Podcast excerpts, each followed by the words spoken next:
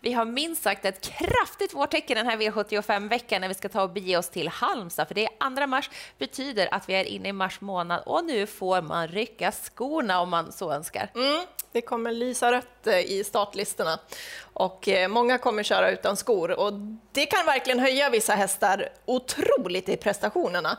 De kan ha fin form och så gör man den där lilla extra grejen och så lyfter de sig. Plus att vi är i Halmstad som bjuder i princip alltid på en väldigt, väldigt fin bana. Så det kommer gå undan och tänk då på när ni spelar att det är bra att sitta i den främre träffen.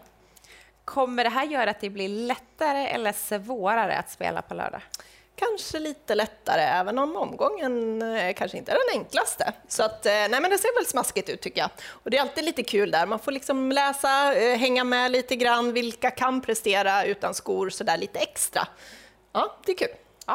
Härligt. Vi sätter tänderna i första spiken, den hittar vi i den tredje avdelningen. Mm, han är ju fantastiskt bra, nummer tre, Sweetman. Och han visade att formen var där senast. Eh, då, vi kan titta på när han var ute på Jägersro senast, då, när han öppnar bra. Det gör han ju i princip alltid bakom bilen, körde sig till ledningen här.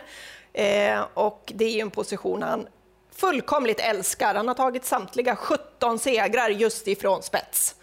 Eh, så att han höjer sig när han går i ledning. Joggar undan här över upploppet på ett jättehärligt sätt. Så formen är där. Och det har den väl varit ett litet tag, men den är verkligen där. Och så nu då får han gå utan skor och då höjer han sig ytterligare. Jag tror han blir otroligt svårfångad ifrån ledning nu på den korta distansen som han gillar. Sen är det lite tuffare hästar emot den här gången än senast, men eh, med den formen och förutsättningarna så kommer jag att spika nummer tre, Sweetman, som Magnus A. Djuse kör för första gången. Spännande. Mm. Eh, vi tar oss vidare och då gör vi så att vi bara faktiskt vänder ett blad till avdelning 4. Det här är diamantstoet och hur känns den här avdelningen för dig, Elin? Eh, öppen. Det brukar det vara när det är diamantstoförsök. Och dessutom så lyser det ju väldigt rött här. Det är många som kommer eh, ta av skorna på sina hästar. En häst som kanske tränar bättre än vad hon presterar i lopp och som han pratar gott om henne hela tiden, Fredrik Wallin, men vill ha ut lite mer i, eh, av henne i loppen. Men jag tyckte ändå att hon visade senast att hon lite är där nu, för jag tyckte att hon avslutade bra över upploppsrakan på Axvalla då. Här ser vi henne in i sista sväng, då sitter hon ju bland de sista. Sen kör han rakt fram här, Magnus Eh, och letar lite luckor. Det strular lite under vägen för henne att hitta luckor. Det blir lite trångt, han måste ta i henne, men jag tycker ändå hon skjuter till bra så att hon har en smygande uppåtgående form. Hon får spår 1 i volten, ingen raket i volt, men hon kan ändå öppna okej. Okay kommer få ett lopp i den främre träffen och dessutom så rycker man ju skorna runt om på henne den här gången. Och jag tror att hon är en sån höst som höjer sig när man rycker skorna. Hon eh, har vunnit sina två segrar just utan skor. Så att, var med där. Det ska vi vara.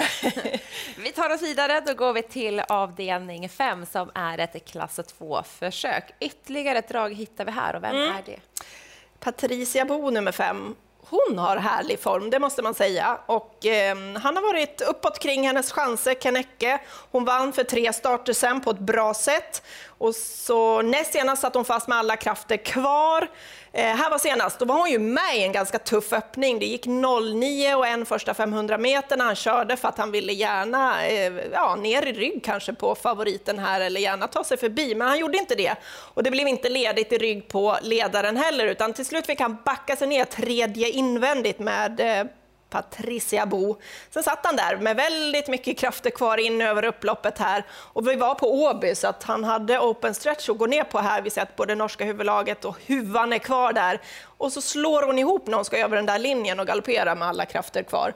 Så det var lite snöpligt såklart. Omtag nu då, och hon som sagt var öppnar bra bakom bilen. Hon kommer sitta där framme. Det är faktiskt så att hon skulle kunna komma till ledningen och då tror jag att Kennecke är sugen på att köra där. Eh, om inte annat så kanske det kommer någon rusare och då får hon ändå en väldigt fin position och så ska det såklart lösa sig lite. Men hon är också en sån där häst som höjer sig lite utan skor och vi ser att det lyser rött. Så att, ja, form finns för att vinna loppet. Och på Halmstad har hon inget open stretch-streck som hon får för sig att vilja hoppa över. Nej, precis. eh, skräller till då, var kan ni göra det någonstans? Sjätte avdelningen, det är en ordentlig skräll, men jag tyckte ändå han var fin i sin nya regi senast och det är nummer fyra, So Far Away Ås, som Hanna Läderkorpi tränar numera. Det här har ju varit en väldigt kapabel häst och han är bra. Här backade man sig ut in i sista sväng, man satt ju tredje invändigt, backade sig ut, tappade lite fart på att liksom få ut hästen i andra spår här. Eh, men sen tycker jag att han avslutar ändå absolut godkänt till andra platsen och med det där loppet i kroppen tänker jag att han ska gå framåt rejält.